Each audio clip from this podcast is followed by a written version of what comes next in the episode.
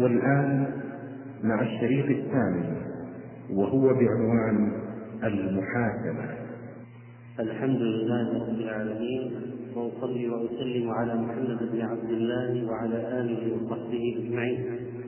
أيها الإخوة السلام عليكم ورحمة الله وبركاته.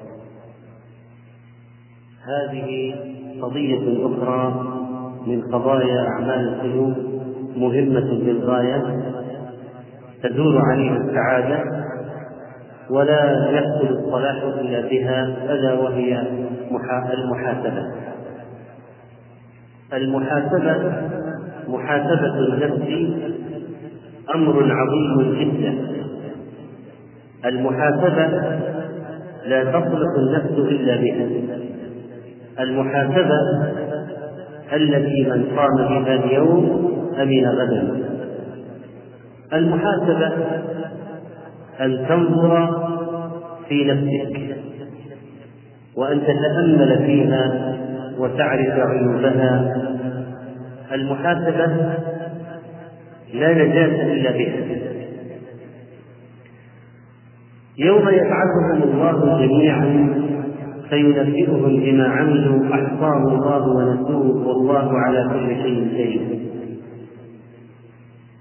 المحاسبة تصدر من التأمل في هذه النصوص والإيمان بها يومئذ يصدر الناس الكافر ليروا أعمالهم. فمن يعمل مثقال ذرة خيرا يره ومن يعمل مثقال ذرة شرا يره. المحاسبة انطلاقا من آثار قوله تعالى يوم تجد كل نفس ما عملت من خير محضرا. وما عملت من سوء تود لو أن بينه بينها وبينه أمدا بعيدا. ويحذركم الله نفسه. والله رؤوف بالعباد. المحاسبة تنطلق من الإيمان باليوم الآخر وأن الله تعالى يحاسب فيه الخلائق وقد حذرنا الله ذلك اليوم فقال واتقوا يوما ترجعون فيه إلى الله. ثم توفى كل نفس ما كسبت وهم لا يظلمون. المحاسبة تنطلق من الإيمان بأسماء الله وصفاته وأنه تعالى الرقيب المهيمن المطلع على ما تعمل كل نفس. وأنه عز وجل شهيد على أعمالنا. فهو الشهيد الشهيد على أعمال عباده. جعل علينا كراما كاتبين يحصون أعمالنا. ووضع الكتاب فترى المجرمين مشفقين مما فيه. ويقولون يا ويلتنا ما لهذا الكتاب؟ لا يغادر صغيرة ولا كبيرة إلا أحصاها. ووجدوا ما عملوا حاضرا ولا يظلم ربك أحدا المحاسبة تنطلق من إيمان الإنسان بالهدف بالغرض. أن يؤمن بأي شيء خلق أفحسبتم أنما خلقناكم عبثا وأنكم إلينا لا ترجعون؟ أيحسب الإنسان أن يترك سدى محاسبة النفس طريقة المؤمنين وسمة الموحدين وعنوان الخاشعين. فالمؤمن مستقل لربه محاسب لنفسه مستغفر لذنبه يعلم أن النفس خطرها عظيم وجاءها وحيم ومكرها كبير وشرها مستطير فهي أمارة بالسوء ميالة إلى الهوى داعية إلى الجهل قائدة إلى الهلاك سواقة إلى الجهل إلا من رحم الله.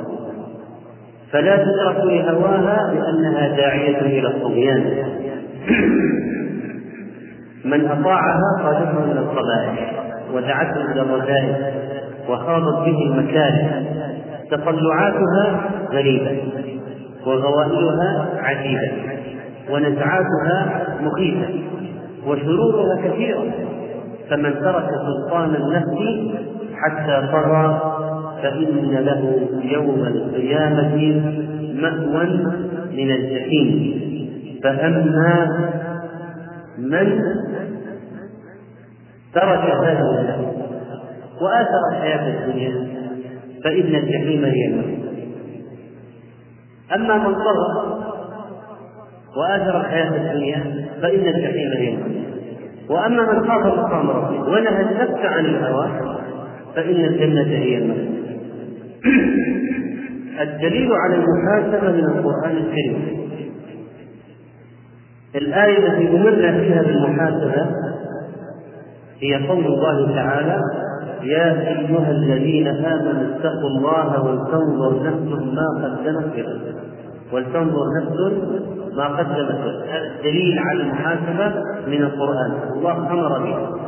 واتقوا فقال عز وجل ولتنظر نفس ما قدمت لغد. هذه المحاسبة. ماذا قدمت للآخرة؟ لتنظر نفس تفكر وتفكر ويحاسب الإنسان نفسه.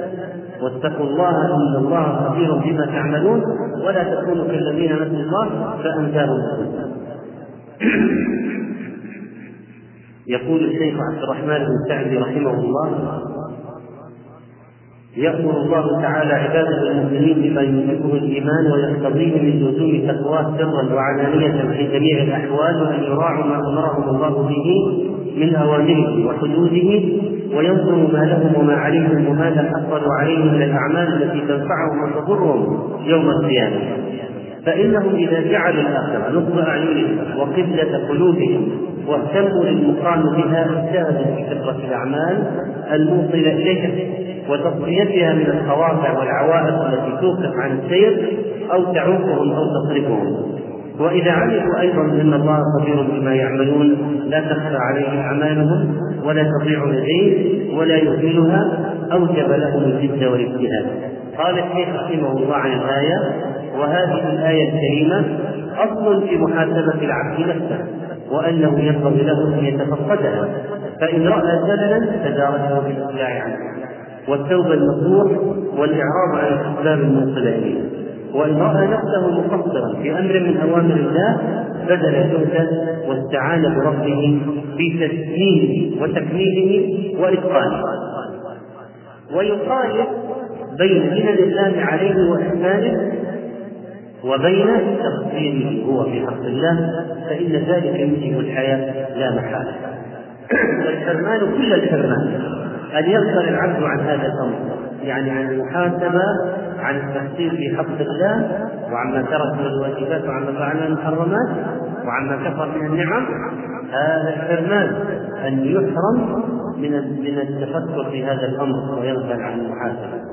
ويشابه قوما نسوا الله وغفلوا عن ذكره والقيام بحقه وأقبلوا على حدود أنفسهم وشهواتها فلم ينجحوا ولم يحصلوا على الله بل أنساهم الله مصالح أنفسهم وأغفلهم عن منافعها وفوائدها فصار أمرهم فرطا فرجعوا بخسارة الدارين وهبلوا غبنا لا يمكن تداركه ولا يقدر كسره لأنهم هم الفاسقون. وقد قال سبحانه وتعالى أيضا في كتابه العزيز وتوبوا إلى الله جميعا أيها المؤمنون. فإذا ينبغي على العبد أن ينظر في حال سيتوب إلى التقصير فالمحاسبة تقود المحاسبة تقود إلى التوبة إن الذين اتقوا إذا مسهم طائف من الشيطان تذكروا تذكروا يعني حاسبوا أنفسهم فإذا هم مبطلون ولا يسلم العبد من المتقين أن يكون من المتقين حتى يحاسب نفسه أشد من محاسبة شريكه. والشريكان يتحاسبان عند العمل. من نهاية العمل دائما تكون المحاسبة. وروي عن عائشة رضي الله عنها أن أبا بكر رضي الله عنه قال لها عند الموت ما أحد من الناس أحب إلي من عمر. ثم قال كيف قلت؟ فأعاد عليه السلام. قال لا أحد أعز علي من عمر. فانظر كيف نظر بعد الفراغ من الكلمة فتدبرها وأبدلها بكلمة أخرى. أنه رآها أنسب وأحسن وأدق وأصدق وهكذا. قال الحسن البصري رحمه الله المؤمن قوام على نفسه يحاسبها لله. وإنما خف الحساب على قوم حاسبوا أنفسهم في الدنيا. وإنما شق الحساب يوم القيامة على قوم أخذوا هذا الأمر من غير محاسبة. ثم قال المؤمن يفجأه الشيء يعجبه فيقول والله إنك لتعجبني وإنك من حاجتي ولكن هيهات حين بيني وبينك. هذا نموذج من الكتاب لشيء يعرف الإنسان مزين يعجبه تميل اليه نفسه ولكن يتركه لأنه ليس من مصلحته في الآخرة. ثم هذا الحساب قبل العمل ويخرج منه الشيء غير الذي يعرف. يعرف فلا يرتكب طيب اذا ارتكب يخرج منه الشيء يثبت يحصل ويقع فيرجع إلى نفسه فيقول ماذا أردت بهذا؟ والله لا أعلم بهذا لا أعود لهذا شاء الله وقال أنس بن مالك سمعت عمر بن الخطاب رضي الله عنه يوما وقد خرج وخرجت معه حتى دخل بستان حائطا يعني بستانا فسمعته يقول بيني وبينه جدار وهو بستان حائط عمر بن الخطاب أمير المؤمنين بخل بخل والله لتتقين الله دون يعذبنا فهو يذكر نفسه بأن هذا اللقب أمير المؤمنين لا يغني عن الله ولو قال أمير المؤمنين جاء أمير المؤمنين عند أمير المؤمنين وأمر أمير المؤمنين فيقول ماذا؟ وماذا يعني أمير المؤمنين؟ لتتقين الله أو ليعذبك وقال الحسن البصري رحمه الله في قوله تعالى ولا تقسم بالنفس اللوامه لا يلقى المؤمن إلا وهو يعاتب نفسه ماذا أردت بكلمتي؟ ماذا أردت بكلمتي؟ ماذا أردت بتربتي؟ والفاجر يمضي قدما لا يعاقب لا يعاتب نفسه وقال مالك بن دينار رحمه الله رحم الله عبدا قال لنفسه لست صاحبة كذا يعني من السيئات التي فعلتها ألم تفعل اليوم كذا كذا وكذا؟ ألست صاحبة الذنب كذا؟ ألست صاحبة كذا؟ ألست صاحبة كذا؟ ثم ذمها ثم خطمها ذمها وخطمها ثم ألزمها كتاب الله تعالى فكان لها قائدا هذا من محاسبة الناس وقال ميمون بن مهران التقي أشد محاسبة لنفسه من سلطان غاشم ومن شريك شحيح. كيف الشريك الشحيح بخيل يحاسب شريكه وهكذا يحاسب التقي نفسه. وقال إبراهيم التيمي مثلت نفسي في الجنة كأني تفكرت كأني فكرت ان كأني في الجنة. آكل من ثمارها وأشرب من انهارها واعالج ابكارها ثم مثلت بنفسي في النار. آكل من زقومها وأشرب من صديدها وأعالج سلاسلها وأغلالها. فقلت لنفسي يا نفسي أي شيء تريدين؟ قالت أريد أن أرد إلى الدنيا فأعمل صالحا. قال فأنت في الأمنية فاعمل الشيء الذي تتمنين تمنيتيه عند التخيل هذا أنت الآن في الدنيا. فاعمل إذا لتكوني فاعمل إذا لتكوني في الجنة في ذلك النعيم. قال القيم رحمه الله في غاية الأحلام إن سائر الله القلب إنما تنشأ من جانب النفس. فالمواد الفاسدة كلها إليها تنصب ثم تنبعث منها إلى الأعضاء. وأول ما تنال القلب وقد كان رسول الله صلى الله عليه وسلم يقول في خطبة الحاجة الحمد لله نستعينه ونستهديه ونستغفره ونعوذ بالله من شرور أنفسنا. رواه الترمذي وقد استعاذ صلى الله عليه وسلم من شرها عموما ومن شر ما يتولد منها من الأعمال ومن شر ما يترتب على ذلك من المكاره والعقوبات. وجمع بين الاستعاذة من سيئات النفس وسيئات الأعمال فهذا معناه أن هناك أمرين. الأول أعوذ بك من هذا النوع من الأعمال. الثاني المراد به عقوبات الأعمال التي تسوء صاحبها. لأنه قال نعوذ بالله من شرور أنفسنا وسيئات أعمالنا. نعوذ بالله من شرور أنفسنا وسيئات أعمالنا. فاستعاذ من صفة النفس وعملها أو استعاذ من العقوبات وأسبابها ويدخل العمل السيء في شر النفس. يعني سيئات أعمالنا ليس داخلا في شرور أنفسنا؟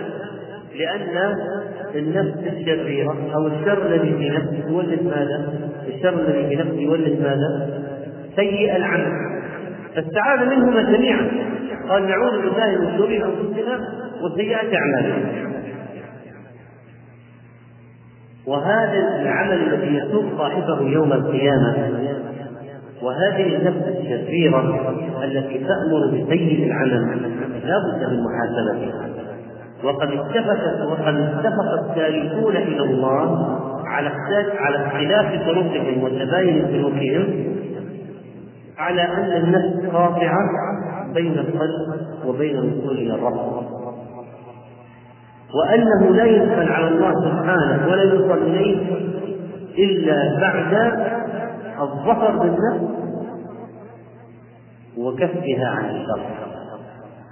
فإن النفس قسم ظفرت به نفسه فملكته وأهلكته وصار طوعا بنفسه الشريرة الأمارة بالسوء تحت أوامرها يعمل على الهوى على هوى النفس والثاني قسم ظفروا بأنفسهم فقهروها فصارت طوعا لهم منقادة بأمرهم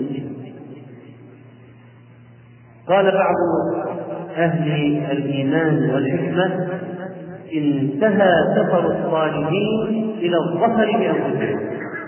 انتهى سفر الصالحين إلى الظفر بأنفسهم. فمن ظفر بنفسه أفلح وأنجح. ومن ظفرت به نفسه خسر وهلك خسر وهلك. فأما من طغى وآثر الحياة الدنيا فإن الجحيم هي. وأما من خاف مقام ربه ونهى النفس عن الهوى فإن الجنة هي المأوى. ومن لم يحاسب نفسه فاته من الخير بقدر ما فاته من المحاسبة. ولذلك على المسلم أن يكون نفسه عن المحرمات ويبتعد عن الشبهات ولا سيما أهل العلم. فمن لم يكن نفسه بهذا لم ينفعه علمه لأن العلم للعمل كالسلاح للمجاهد فإذا لم يستعمله ماذا يفيده؟ وكالأطعمة المدخرة للجائع إذا لم يأكل منها فبماذا ينفعه؟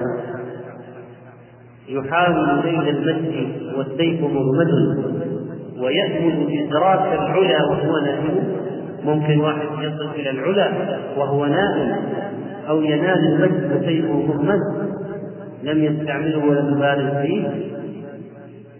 إذا بدون محاسبة لا يمكن لا يمكن والذي لا يسأل نفسه عن المروءات عن ما يحرم المروءة وعن ما يكره بعد ما يقولها عن الحرام فهذا إنسان هالك. فصيانة النفس أصل الفضائل لأن من أهمل نفسه اتكالا على العلم الذي عنده وهذه آفة يختلف فيها بعض طلبة العلم. ربما لا يحاسبون أنفسهم اتكالا بالعلم الذي عندهم لا يحاسبون أنفسهم اتكالا بالعلم الذي عندهم فربما يكون العامل هنا أو الجاهل العامل الذي يحس بالجهل أفضل من هذه الفئة. لأنه يحس نفسه خاص. فيحاسب نفسه. ولكن بعض الناس الذين يصليهم العلم آه، لا يحاسبون أنفسهم ويستكبرون عن العلم الذي عندهم لأنهم يرون فيه رفعه درجه فلماذا يحاسبون؟ فيتركون الحساب أو المحاسبة فتظهر القبائح والعورات. فيكون مثلا الحسد منه ويكون مثلا اتباع الهوى. والتنازلات في الفتاوى والأخطاء. فلذلك محاسبة العلماء لأنفسهم محاسبة طلبة العلم لأنفسهم أشد من أشد ينبغي أن يكون أشد ما يكون لأن إذا حاسب نفسه انتفع نفع الناس. إذا ترك محاسبة نفسه ضل وأضل. الجاهل لا يقتدي به أحد. لكن هذا الذي يوصف نفسه قدوة الدعوة والعلم ثم هو لا يحاسب نفسه. يجري أيها العالم إياك الزلل واحذر الهفوة والقبض الجلد. هفوة العالم مستعظمة إذ بها أصبح في الخلق مثلا وعلى زلته عمدته فبها يحتج من أخطأ وزل لا تقل يسلم علي العلم ذلتي بل بها يحصل في العلم الخلل إن تكن عندك مستحضرة فهي عند الله والناس جبل. ليس من يدفعه العالم فيه كل ما دق من الأمر وجل مثل من يدفع عنه جهله. إن أتى فاحشة قيل قد جهل. عذره بجهل انظر الأنجم مهما سقطت. من رآها وهي تهوي لم يبل لم يبل فإذا الشمس بدت كافلة وجل الخلق لها كل الوجل وتراءت نحوها أبصارهم وتراءت نحوها أبصارهم في انفعاج واضطراب ووجل وترى النقص لهم من نقصها فغدت مظلمة منها السبل. وكذا العالم في ذلته يسجن العالم طرا ويضل. فنحن نرى الآن نماذج كثيرة من هذا من إضلال بعض هؤلاء في فتاوى متساهله وغيرها بسبب أنهم لا يحاسبون أنفسهم وبالتالي يقعون في ذلك وما استقطبهم أهل الشر إليه من الافخاخ التي نصبوها لهم فوقعوا فيها وكملوا على حساب وينبغي على الناس كلهم أن يحاسب نفسه الذي عنده علم ما عنده علم الذي عنده علم يحاسب نفسه هل عمل به. هل هو يقوم به لله؟ هل يبلغه؟ هل هو يكتمه؟ هل هو مقصر فيه؟ هل عمل به ربه؟ هل بذله للناس صحيحا أم راعى واقع القوم فسهل لهم الاشياء بزعمهم وأما صاحب الجهل يحاسب نفسه كيف يعبد الله عز وجل؟ متى يزول الجهل عنه؟ كيف يزيله؟ إلى متى يبقى في هذا الجهل؟ كيف يتعلم؟ وبماذا يبدا؟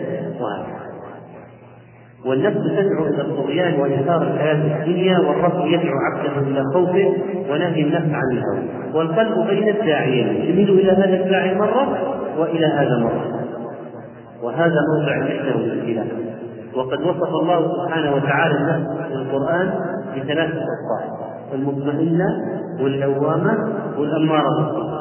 فالنفس إذا سكنت إلى الله واطمأنت بذكره وأنابت إليه واشتاقت إلى لقائه وأنست بقربه فهي نفس مطمئنة وهي التي يقال لها عند الوفاة يا أيتها النفس المطمئنة ارجعي إلى ربك راضية مرضية فادخلي في عبادي وادخلي جنة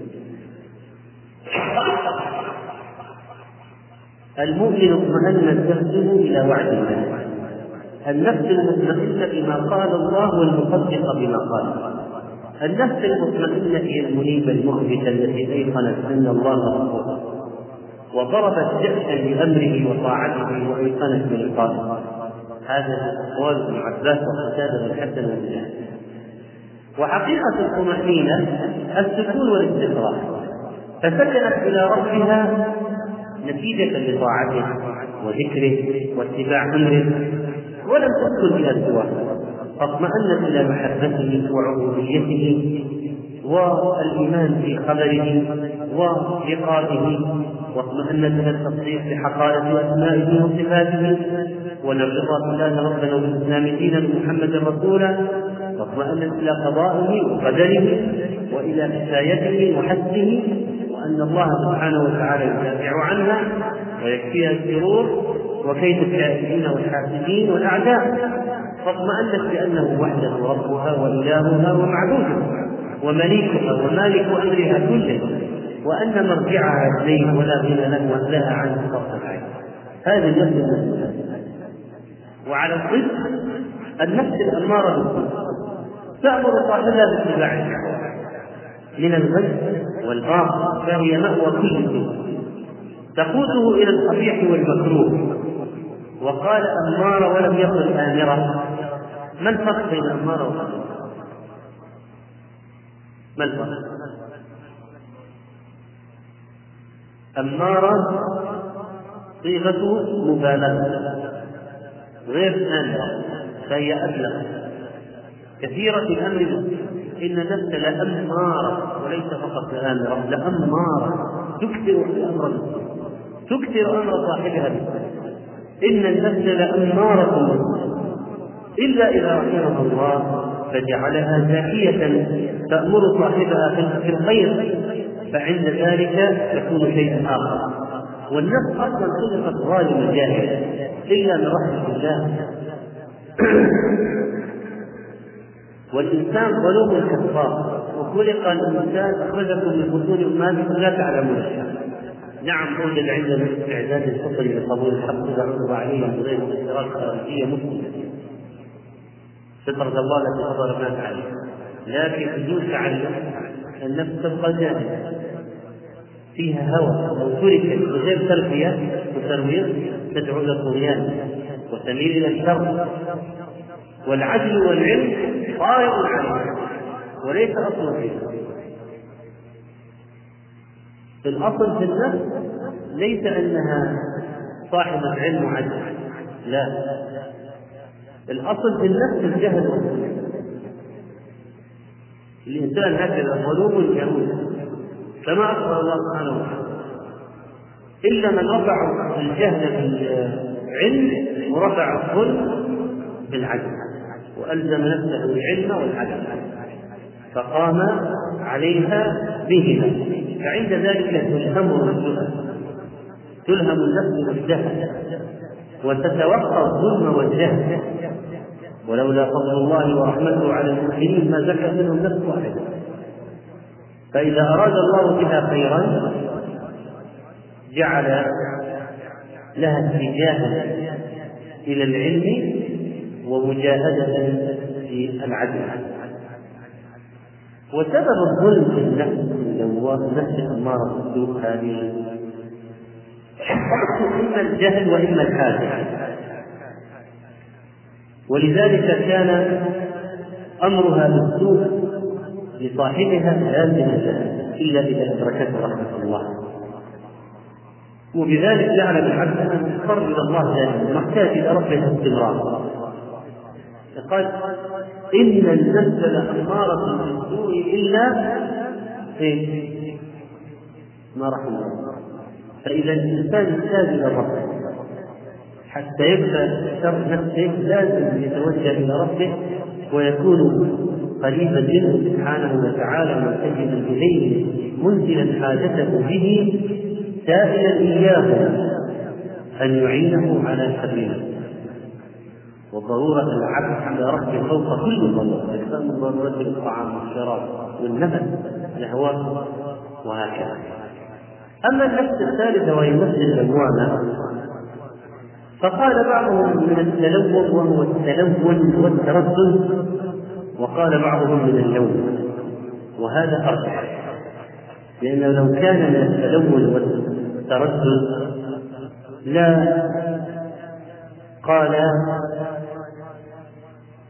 ولا أقسم بالنفس المتلونة يعني المتلونة والمترددة لكن الراجح أن اللوامة من اللوم تلوم صاحبها على الخير وعلى الشر.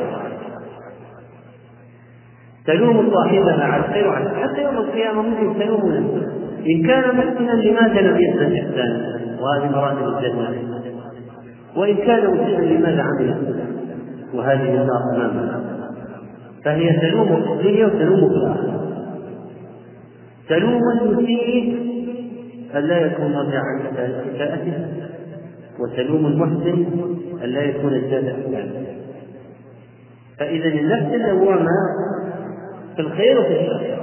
نفس مخلطة. فيها خير وشر فتلوم صاحبها على الخير. لماذا لم تلتزم؟ وتلوم على الصح لماذا وقعت فيه إن المؤمن والله ما تراه إلا يلوم نفسه على كل حالاتها يستخسرها في كل ما يفعل فيندم ويلوم نفسه. وإن الفاجر يمضي قسما لا يعاتب نفسه كما قال الحسن البصري رحمه الله تعالى. فإذا اللوم اللوم هذا صفة لهذه النفس.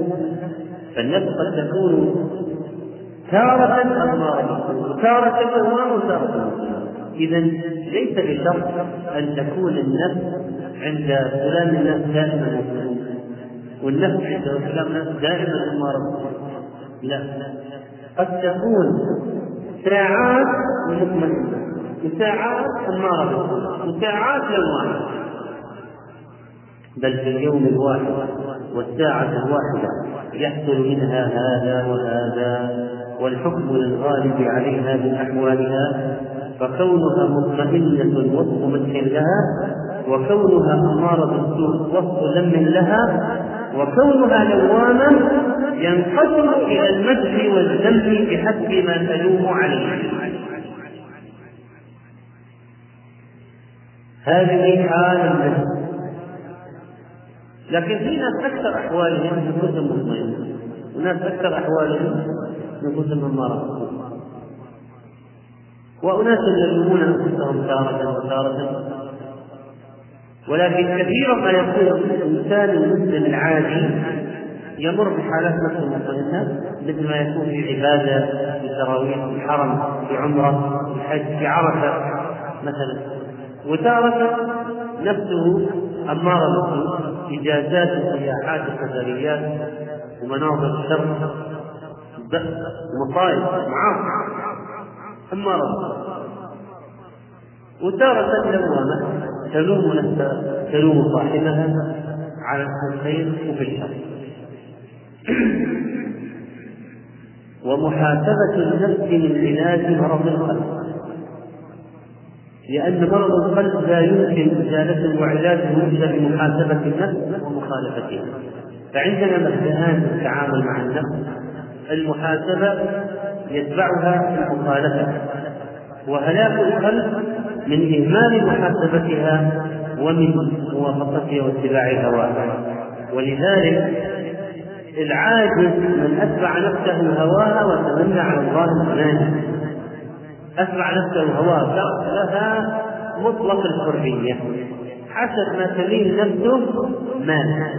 وذهب حيثما تريد وعمر بن الخطاب رضي الله عنه قال كلامه المشهور محذرا من الاهمال في محاسبه النفس وأنه يقود إلى الهلاك يوم القيامة. وقد قال عليه الصلاة والسلام من نوقش الكتاب عذب من نوقش الكتاب عذب فكيف واحد يتلافى مناقشة الكتاب غدا في محاسبه النفس اليوم. فقال عمر حاسبوا أنفسكم قبل أن تحاسبوا. ترى إذا حسبتم يوم القيامة من نوقش الحساب عذر. حاسبوا أنفسكم قبل أن تحاسبوا. وزنوا أنفسكم قبل أن توزنوا. أو زنوا أعمالكم قبل أن توزنوا. فإنه أهون عليكم في الحساب غدا أن تحاسبوا أنفسكم اليوم. فإذا حاسبوا أنفسهم اليوم صار حساب غدا يسير والحساب اليسير صاحبونه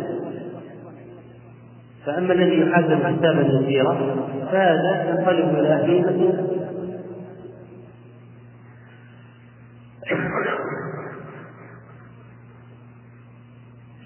أما حاسبناها حسابا شديدا وعذبناها عذابا نكرا فهذا الحساب الشديد نتيجة عدم نتيجة عدم المحاسبة الآن. قال وتزينوا للعقل الأكبر يومئذ تعرضون لا تخفى منكم خافية.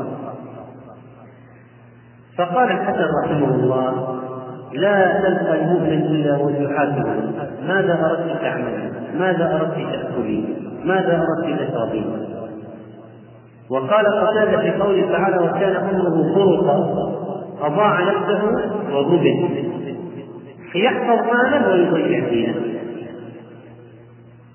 قال الحسن إن العبد لا يزال بخير ما كان له واعظ نفسه وكانت المحاسبة من همته. وفي وعظ كل مسلم إذا أراد يعمل حرام يدخل في باب حرام قال وين؟ لا تفتح. إنك إن تفتحت تجد لا تجيب الستار عن باب الحرام. لأنك لو نظرت انجلست ويحك لا تفتح. إنك إن تفتحت تجد وعظ الله قلب كل مسلم. وقال ميمون بن مهران النفس كالشريك الخوان إن لم تحاسبه ذهب بمالك. النفس كالشريك الخائن. إذا لم تحاسبه اكتشفت نهاية السنة أنك له خاسر ذهب مالك. والمحاسبة في وقت الرخاء سهلة. بالنسبة الكتاب في وقت الشدة رحم الله عبدا قال لنفسه ألست صاحبة كذا ألست صاحبة كذا. هذا نوع من الحساب على المعاصي. ماذا أردت بالعمل؟ وماذا أردت بالأكل والشربة حساب على النوايا. النية ما هي؟ والمحاسبة أيها الإخوة معناها لغة. مصدر. من حاسب يحاسب مأخوذ. من حسب حسبت الشيء أحسبه حسبانا وحسابا إذا عددته. والحساب والمحاسبة عدك الشيء. هذا إذا العد. هو معنى المحاسبة في اللغة. فكأنك إذا جئت تطبقه الآن في المعنى الاصطلاحي ستقول عد السيئات عد العيوب وهكذا.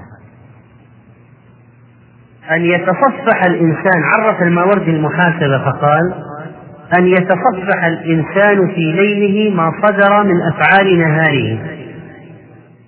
فإن كان محمودا أمضاه وأتبعه بما شاكله وضاها نظر في أعمال اليوم. آخر اليوم تأتي بكشف الحساب. ماذا عملت اليوم؟ من بين يوم أن استيقظت. منذ أن استيقظت إلى وقت النوم هذا. ما هي الأعمال التي عملتها؟ إن كانت خيرا تتذكر هذه 15 ساعة 14 ساعة 16 ساعة تتذكر هذه الساعات وقت الاستيقاظ. ماذا عملت؟ إيش الأعمال التي مرت بك اليوم؟ في هذا كله تستعرضه في ذهنك. فإن رأيت أنك عملت خيرا فازدد منه واستكثر منه وشابهه بأعمال أخرى. وإن كان مذموما استدركه إن أمكن. فقد يعمل سيئة يمكن استدراكها. وإذا لم يمكن استدراكها فيتبعها بالحسنات لتكفيرها. فيتبعها بالحسنات لتفكير لتكفيرها وينتهي عن مثلها في المستقبل. وعرف بعضهم المحاسبة بأنها قيام العقل على حراسة النفوس من الخيانة. ليتفقد زيادتها ونقصانها. وأنه يسأل عن كل فعل يفعله لما ولمن. لما فعلته ولمن فعلته؟ فإن كان لله مضى فيه وإن كان لغير الله امتنع عنه وأن يلوم نفسه عن التقصير والخطأ يلوم نفسه على التقصير والخطأ. وإذا أمكن المعاقبة أو صرفها إلى الحسنات الماحية. ومحاسبة النفس نوعان كما يقول ابن القيم رحمه الله. نوع قبل العمل ونوع بعد العمل.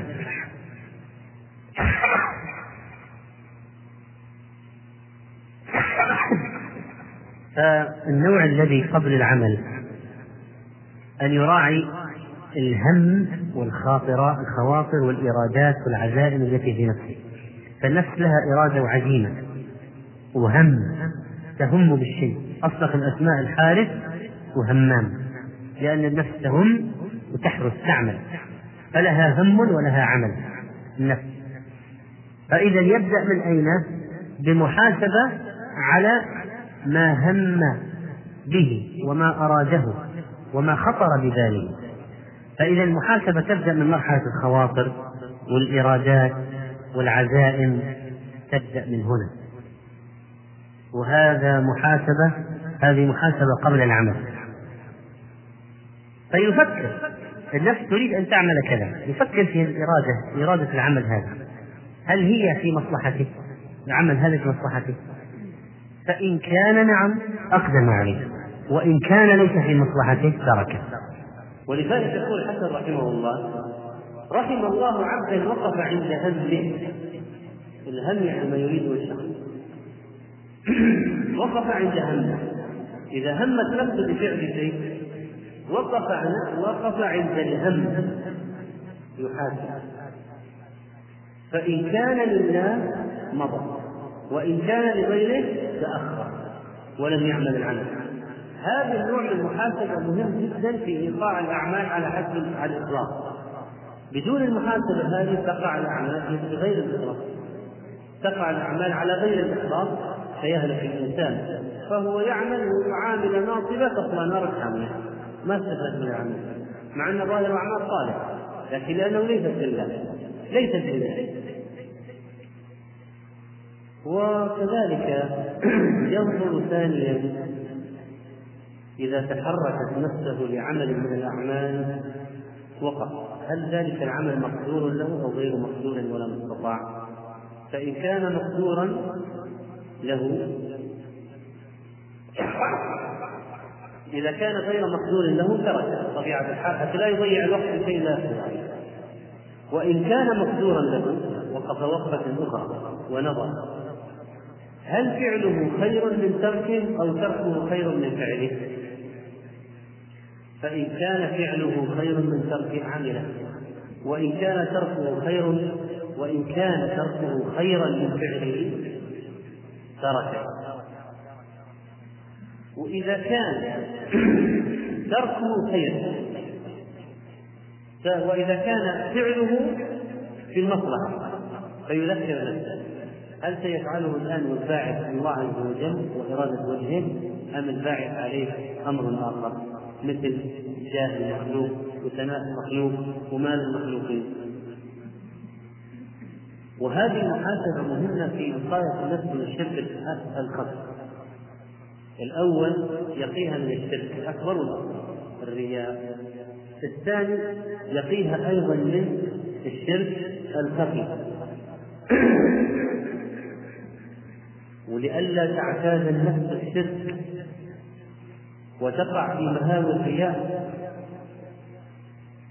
ولذلك فإن هناك أربع مقامات يحتاج إليها العبد في محاسبة نفسه قبل العمل.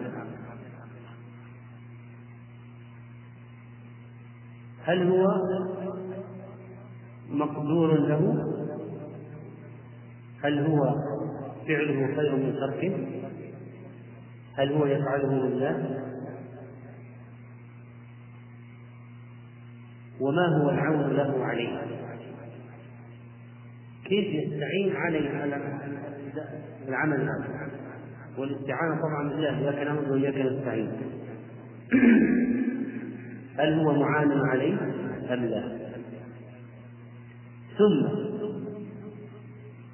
المحاسبة النوع الثاني محاسبة النفس بعد العمل. ثلاث أنواع. محاسبتها على طاعة قصرت فيها من حق الله ومحاسبة على عمل كان تركه خيرا من فعله ومحاسبة على أمر معتاد مباح لما فعله. هل أراد به الله الدار الآخرة أم فاته الربح وعمله عادة فإذا المحاسبة التي بعد العمل محاسبة على طاعة قصر فيها مثل تفويت خشوع في الصلاة. خرق الصيام ببعض المعاصي فسوق الجدال في الحج محاسبة بعد العمل على الطاعات كيف أوقعت؟ هل على الوجه الذي ينبغي؟ هل وافق فيها السنة؟ هل نقص منها؟ وحق الله في الطاعة ستة أمور أولا الإخلاص في العمل وثانيا النصيحة لله فيه. وثالثا متابعة الرسول صلى الله عليه وسلم فيه. ورابعا أن يحسن فيه. وخامسا أن يشهد منة الله عليه فيه. وسادسا أن يشهد تقصيره بعد هذه هذه أشياء داخلة في المحاسبة. حتى في الأعمال الصالحة. الآن لا نتحدث عن قضية محاسبة النفس على الزنا وشرب الخمر والنظر للمسرفيات ومصافحة المرأة التي يحرم عليه مصافحتها وسماع الأغاني نتكلم الآن على الطاعات. إذا أردت أن تعمل طاعة فلا بد أن تخلص لله وتنصح لله فيها وتتابع فيها رسول الله صلى الله عليه وسلم. تفعلها على حسب السنة. وتفكر هل أنت تفعلها على حسب السنة؟ وتحسن وتتقن فيه الإحسان والإتقان. وتشهد منة الله عليك أنه ما جاء هذا منك وإنما توفيق من الله. ولولا أن الله هيئك لهذا العمل ويسرك لهذا العمل الصالح وإلا ما استطعت أن تعمله ولولا أنه أعانك عليه ما قدرت عليه. في النهاية تشهد تقصيرك فيه وأنك مهما عملت لله فأنت مقصر إذا محاسبة على الطاعة وما قصرت في النفس فيه من حق الله. ثانيا مقام ثاني للمحاسبة. المحاسبة على كل عمل كان تركه خير من. هذا ممكن يكون معاصي. ممكن يكون اشتغال بمقصود يعني ما هو لازم معصية. ممكن يكون واحد اشتغل بمقصود ففاته الفاضل. واحد أحيانا ممكن قيام الليل يكون فاته مثلا. ممكن. يشتغل بأذكار وغيرها أفضل منها. ما قال لأم المؤمنين. لقد قلت بعدك أربع كلمات ثلاث مرات. لو وزنت بما قلتهن لوزنتهن سبحان الله إذا عدد خلقه وسبحان الله رضا نفسه سبحان الله زينة عرشه وسبحان الله مداد كلماته إذا الآن يا إخوان قضية المقام الثاني في المحاسبة أنك تفكر هل العمل عمل الشيء هذا كان خيرا أم تركه كان هو الخير؟ قد يكون معصية وتركه كان هو الخير. وقد يكون مفعول اشتغلت به لو كان اشتغلت بالفاضل كان انفعلك وكذلك ثالث أن تحاسب نفسك على الأمور المباحة والعادات. هل لك كان فيها هل كان لك فيها نية صالحة ولا راحت عليك؟ فمثلا كل واحد يدخل بقالة يشتري لأهله خبزا وحليبا لكن في ناس يشتري ويدفع ويسرق ويعطيه لأهله. ولا تخسر في احتساب اجر اطلاقا على يشتري خبز ولب كل لكن لم يفكر عند الشراء ولا دفع ولا عند دفع النقود في أي احتساب للأجر عند الإنفاق. جاري على العادة. هو لم يعمل حراما. لكن المحاسبة تولد عنده ارباح أرباح مهمة يحتاجها يوم الحساب فيحاسب نفسه. لماذا لما دفعت النقود ما نويت الصدقة؟ واحتساب الأجر عند الله. لأن النبي عليه الصلاة والسلام أخبر أن الذي ينفق نفقة على أهله يحتسبها تكون له صدقة. وأراد لفت النظر إلى أن ما ينفقه الناس على أهاليهم بالعادة إذا كانت في نية حسنة فليس خارجا عن الصدقة بل داخل في الصدقة وأجر الصدقة حتى تشجع الناس للإنفاق على أهليهم ولا يبخلوا على أولادهم لكن يحتسبون الأجر طبعا بدون إسراف ولا تخفيف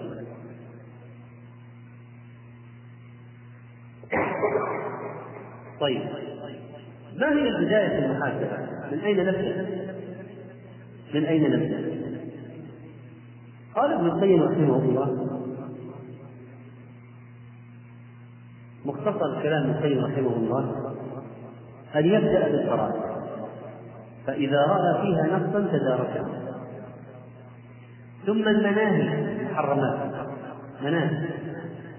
فإذا عرف أنه ارتكب منها شيئا تداركه بالتوبة والاستغفار وحسنات ما فيها ثم يحاسب نفسه على الغفل عما خلق له.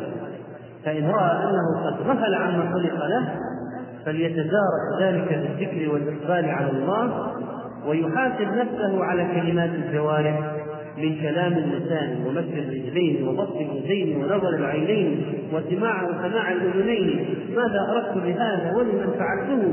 وعلى أي وجه فعلته؟ إذا هذا الآن السبل العملية التفكير في المجالات أين يتجه الإنسان عند المحاسبة؟ يتجه اولا للفرائض ولا بد نعرف أن جنس الواجبات في الشريعة أعلى من ترك المحرمات. يعني لو واحد قال الأجر أكثر على فعل الواجبات ولا الأجر أكثر على فعل على ترك المحرمات؟ فنقول كلاهما لا بد منه. هذه مفروغ منه لكن للفائدة يعني للفائدة جنس فعل الواجب أعلى في الشريعة وأكثر اجرا من جنس ترك المحرمات من جنس ترك المحرمات لأن الواجبات هي المقصود الأصل. وهذه المحرمات ممنوعة لكن ما هو الأصل؟ أن تقوم بالواجبات. فأول ما يبدأ الواحد بالفرائض فإذا رأى فيها نقصا تداركه مثلا نقص وضوء أعاد الوضوء يعيد الصلاة. نقص سجدة ركعة نقص شيء في الواجبات أعاده قام وصيام واجب من غير نية. قام صيام واجب من غير نية. عليه ثلاثة أيام كفارة يمين في الصباح وين الفطور؟ ما قال هذا يوم كفارة يمين ثم قام ثاني وثالث طيب صيام الواجب لا بد له من نية من الليل. ما يصلح في صيام النذر كفارة اليمين ورمضان. لا يصلح الصيام الواجب الكفارات المختلفة صيام الشهرين في قتل الخطأ. لا بد يكون في نية من الليل. ما يصلح يجي في الصباح للنية فإذا اكتشف أنه في خطأ في الواجب استدركه وأعاده. واحد جمع العصر مع الجمعة. ثم عرف أنه ما يجوز جمع العصر مع الجمعة. ولو كان مسافر صلى الجمعة وصلى بعد العصر ما يصلح طيب يعيد العصر. يعيد العصر. واحد صلى وراء إمام مقيم. دخل معه في الركعة الثالثة وقال هذه ركعتين أنا مسافر سلم مع الإمام وقال. ثم علم أنه إذا صلى ولو كان مسافرا وراء إمام مقيم فإن عليه أن يتم الصلاة. فيقوم يعيد أربعة. إذا استدراك الخطأ في الواجبات نتيجة المحاسبة. المحاسبة في الواجبات. هل قصر فيها؟ في تقصير يمكن استدراكه. في تقصير لا يمكن استدراكه. صليت صلاة واجبة؟ ونصفها ما خشعت فيه. طيب الآن الاستدراك يكون بماذا؟ بصلوات النوافل أخرى تعوض هذا الفائد طيب بعد الفراغ ينتقل إلى المحرمات والمنافع هل ارتكب منها شيئا؟ ماذا يفعل؟ طبعا في أشياء يحتاج التوقف الفوري يتوقف فورا مثلا واحد في كسب حرام وظيفة حرام عارف الحرام يتوقف عن العمل فورا. طيب. وأشياء تداركها التخلص من الاموال المحرمة التي أخذها. واحد كان يعمل في الحرام وتاب. قال أنا كنت ملحن. ملحن. الحن اغاني أنا أكتب أشعار للمغنيين ويعفوني عليها. بل آلاف طيب. أموال كسبها بحرام وهو يعلم أنها حرام. إيش التدارك من التدارك الآن؟ يتخلص من الأموال المحرمه. طيب. واحد أكل حقوق عباد. وهذا حرام. إيش التجارب؟ أن يعيد الأموال لأصحابها طيب. وبعض الأشياء يحتاج يتحلل منها. يطلب منهم السماح. يقول سامحوني. أنا أخطأت عليكم ظلمتكم أنا اعتديت عليكم في كلام ولا يشترط أن يكون تفاصيل الغيبة حتى لا يشتاطوا غضبا علينا يطلب التحلل. في أشياء لا يمكن يعني قد لا يمكن تدارك الحرام تعود. يعني ليس هناك شيء محدد إلا التوبة والندم والعزم على عدم العودة والإكثار من الحسنات الناحية لأن الله قال أقم الصلاة طرفي النهار وزلفا من الليل إن الحسنات يذهبن هذه كلها نتيجة المحاسبة. طيب. الأمر الأمر الآخر. قال ثم يحاسب نفسه على الغفلة عما خلق له. يعني واحد دائما رايح في الألعاب والملاهي. ممكن ما يكون حرام. لكن نصف يومه ملاهي. نصف يومه ملاهي والعاب. من نادي إلى نادي ولعبه إلى لعبه وتارة باليد وبالقدم وبالكمبيوتر وبال كلها ألعاب أكثر وقت ألعاب. هل هذا الشخص ولو ما فعل محرمات لكن إنفاق مثلا ثلاث ساعات يوميا في الالعاب الالكترونيه مثلا هل هذا الشخص يعرف الغايه التي من اجلها خلق؟ يعني الإنسان يفهم إنه عبد لله يجب أن يقوم بوظائف العبودية. لو هو يفهم أنه يجب أن يكون وظائف العبودية يضيع ثلاث ساعات متواليه كل يوم في الألعاب. مثلا. فيحاسب نفسه على على الغفله عما خلق له. لأنه أكيد بهذه الساعات الطويلة ممكن تكون أول ربع ساعة أول نصف ساعة قصد الترويح حتى لا يمل العبادة. قام ورفع عن نفسه ببعض الألعاب المباحة. واحد. طيب. لكن الساعات الطويلة الأخرى هذه الباقية. هذا الشخص بالتأكيد غفل. في هذه البقية الباقية غفل عن عما خلق من فيتدارك ذلك في أن يأتي بفترات طويلة تفوقها في الذكر والعبادة.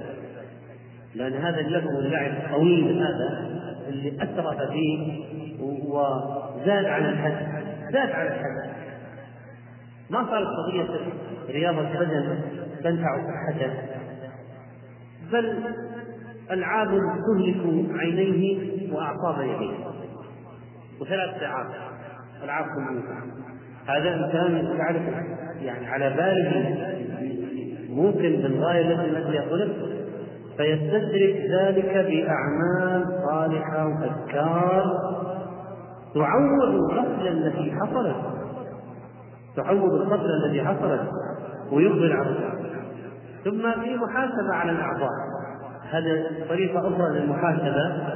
بدل ما تنطلق من من البرنامج اليومي سوينا اليوم كذا كذا كذا آه، هذه طريقة أخرى للمحاسبة أنك تحاسب نفسك على الأعضاء ماذا فعلت بيدي؟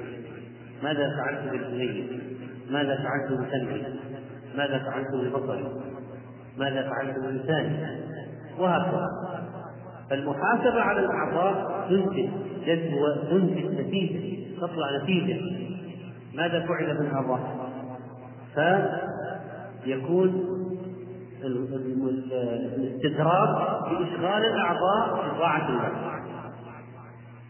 ثم محاسبة على النوايا. ماذا أردت بعمل هذا؟ ما هي نيتي طيب هذه محاسبة على النوايا. عما في القلب. والقلب من الأعضاء لكن له له من محاسبة خاصة. لصعوبة المحاسبة في النوايا لأن كثيرا ما تتقلب. سمي القلب من تقلبه. وينبغي على العبد كما أن له في أول نهاره توصية لنفسه بالحق أن يكون له في آخر نهاره ساعة يصادق نفسه فيها ويحاسبها على جميع حركاتها وسكناتها كما يفعل التجار في الدنيا مع الشركاء في آخر السنة أو الشهر أو اليوم حرصا أن لا يفوت شيء لا يفوته شيء من حقه. فالمحاسبة لما العلماء ضربوا لها مثل محاسبة الشريك لشريكه محاسبة الشريك الشحيح لشريكه يعني فيها تفصيل إذا في صفة مهمة للمحاسبة وهي التدقيق أن الإنسان يدقق مع نفسه ويفتش الأمور تفتيشا بالغا لأن الواحد ممكن ينسى أشياء ويهمل أشياء وهي خطيرة. فلا بد من التدقيق مع النفس ما يصلح المسامحة. مع النفس ما يصح الإنسان رحم الله امرأ سمحا إذا باع سمحا إذا اشترى سمحا إذا قضى سمحا إذا اقتضى. ماشي. يفوت الناس. يفوت الناس لكن مع نفسه لا يفوت أبدا ينبغي أن يكون هناك ينبغي أن يكون هناك تدقيق زائد مع الناس هل هل أدى الواجبات؟ هل ترك هل فعل محرمات؟ هل ترك مقبولات؟ هل غفل؟ هل أدى حقوق الجوارح؟ هل شكر الله على النعم؟ وهكذا ومعاقبة النفس على التقصير مهمة بإلزامها بالفرائض والواجبات والمستحبات بدلا من المحرمات التي ارتكبتها. والعجب أن الإنسان يمكن أن يعاقب عبده وأمته وأهله وولده على وخادمته وخادمه سابقة والموظف عنده على ما يصدر منه من السوء. من سوء الخلق والتقصير ولكنه لا يعاقب نفسه على ما صدر منها من الخلق من سوء العمل من سوء العمل طيب ما هي العقوبات؟ هل الإنسان يأخذ صوت يضرب نفسه؟ إيش العقوبات؟ العقوبات في الحقيقة يعني هذا المسام الاسم ذا عقوبات فيه تسامح تجوز ولا هو العقوبات المقصود أنك تلزم نفسك بطاعة؟ ولنضرب لذلك أمثلة من السلف كيف كانوا يعاقبونه بالتوبة. عاقب عمر بن الخطاب نفسه حين فاتته صلاة العصر في جماعة بأن تصدق بأرض له كانت قيمتها مئة ألف درهم. وابن عمر إذا فاتته صلاة الجماعة أحيا تلك الليلة كلها. وأخر ليلة صلاة المغرب حتى طلع كوكبان. زال الوقت. فأعتق رقبته وفات ابن أبي ربيعة ركعتا الفجر سنة الفجر. فأعتق رقبه اذا نلاحظ أن عقوبة السلف لانفسهم على أشياء حصل فيها تقصير.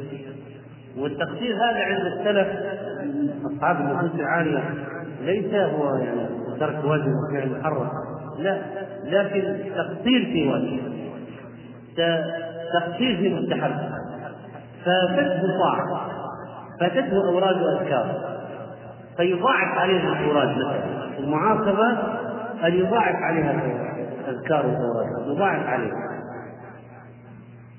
والنفس لا تستقيم إلا بأن تجاهد وتحاسب وتعاقب. فهذه ثلاثة أمور اذا ومما يعين على معاقبة النفس أو إرغام النفس على استدراك النقص التأمل في أخبار المجتهدين. والنبي عليه الصلاة والسلام قال من قام بعشر آيات لم يكتب من الغافلين ومن قام بمئة آية كتب من الصالحين ومن قام بألف آية كتب من المقنطرين. ومن تأمل في أحوال السلف ماذا كانوا يفعلون مع ندرة النماذج هذه في هذا الزمان لكن لعل التأمل في أحوالهم يقود إلى آه، معاقبة الإنسان نفسه بإلزامها بمزيد من المستحبات والعبادات إلى قصرها. قالت امرأة مسروق ما كان يوجد مسروق إلا وساقاه منتفختان من طول الصلاة والله إن كنت لأجلس خلفه فأبكي رحمة له ما أرى شكل رجليه منتفختين من طول قيام الليل.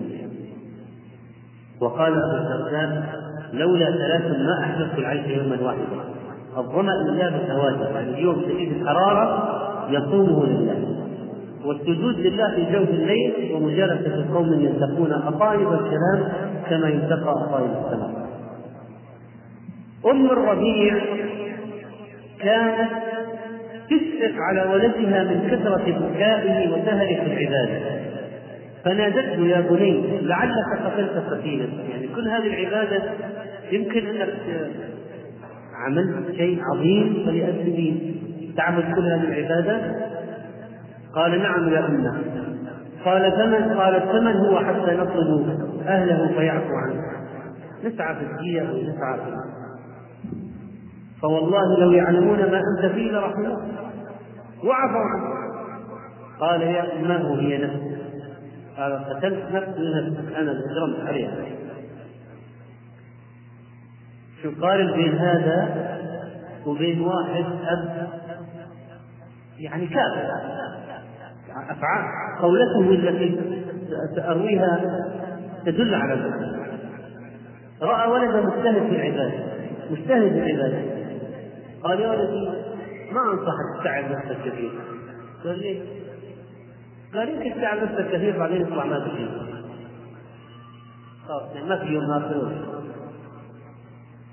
هذا هذا كافر لأن الشك في البعث لحظة واحدة إذا واحد شك في البعث وهذا يقول لا تعب نفسك يمكن هذا فأين هذا؟ من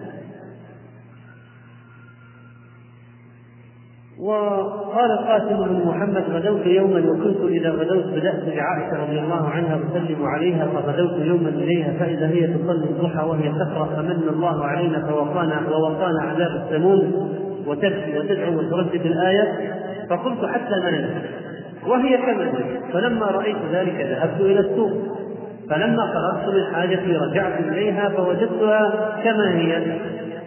ففرغت ورجعت وهي تردد الآية وتبكي وتدعو. فهذه القلوب سريعة الذنوب فلا بد من قرعها ومن مطالعة ما فيها. ومن الأمور المهمة في المحاسبة توبيخ من قواعد المحاسبة توبيخ لأنها ما زالت أمارة بالسوء ما دام الله قال أمارة تحتاج إلى تحتاج إلى آه، شدة.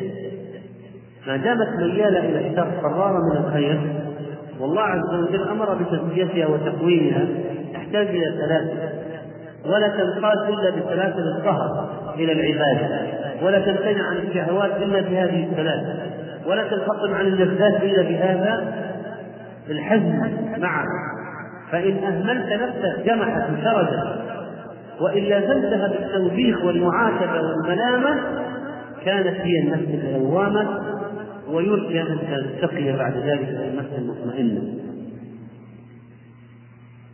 كيف الإنسان يحاسب نفسه؟ بماذا يذكر نفسه؟ بنقص خستها ودناءتها وما تدعو إليه من الحرام وترك الواجب والتفريط في حق الله وهناك فوائد كثيرة للمحاسبة فمن ذلك مصالح المحاسبة أن الواحد يطلع على عيوب نفسه. يمكن الإنسان ينتقد في الآخرين ولا يرى عيوب نفسه. فمن فوائد المحاسبة أنها تطلعك على عيوب نفسك وتكتشف أشياء تندهش من الكتابة. ولا يفقه الرجل حتى يمقت حتى يمقت نفسه في جنب الله يحتقر نفسه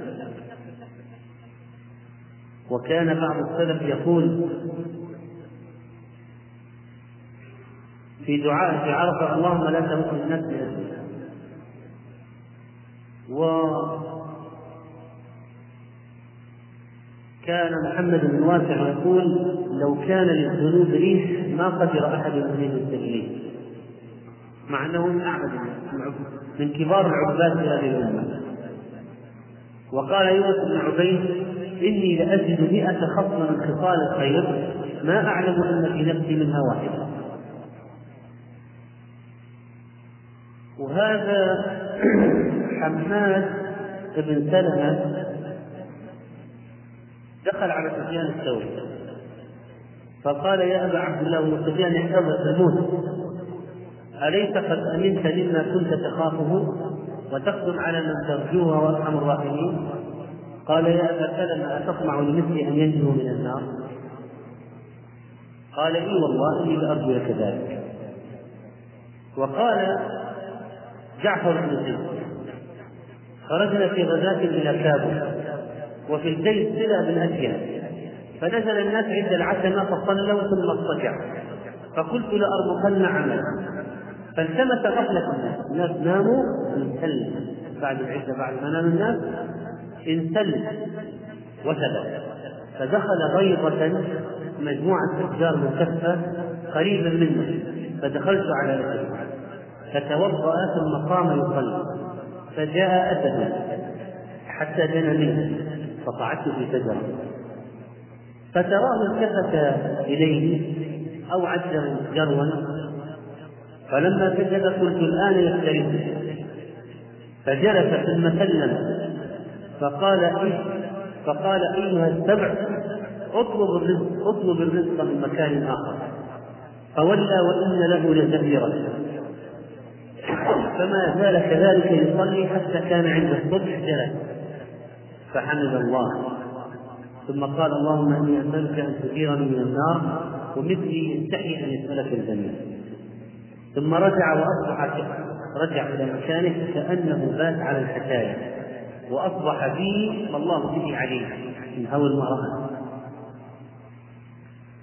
وقال عمر بن الخطاب اللهم اغفر لي ظلمي وكفري. فقال قائل يا أمير المؤمنين هذا الظلم فما الكفر؟ قال إن الإنسان لظلوم كفار فإذا تمعن الإنسان في أحوال السلف عرف حاله البعد الشديد ما بينه وبينه. إذا هذا هذه المحاسبة المقارنة لما نقارن الحال بالحال هذا نوع من المحاسبة. نقارن الحال بالحال فنتبع التقصير العظيم. ومن التفكر في العيوب أن الإنسان ينظر في عمله ما دخل عليه من العجب والغرور فيرى فيرى نفسه كادحا يهلك ومهما عمل فهو مقصر مهما عمل يجب على يجب عليه أن يشعر أنه مهما عمل فهو مقصر وأن يخاف من الله عز وجل. ومما يعين على المحاسبة استشعار رقابة الله على العبد واطلاعه على خفاياه وأنه لا تخفى عن الخافيه ونحن أقرب إليه من حبل الوريد نعلم أن يوسوس في نفسه وقال تعالى اعلموا أن الله يعلم ما في يعلم ما في أنفسكم فاحذروه. وكذلك إذا عرف أنه مسؤول من الأشياء المهمة في المحاسبة التفكر في الأسئلة يوم القيامة. من الاشياء المهمه في المحاسبة أن تعلم أنك مسؤول يوم القيامة والاسئله ما هي؟ ليس سؤال المذنبين فقط الله قال ليسأل الصادقين عن صدقهم فإذا كانوا الصادقين سيسألهم عن صدقهم فما بالك بغيرهم فلنسألن الذين أرسل إليهم ولنسألن المرسلين حتى الرسل يسألون. بلغتم؟ يسألون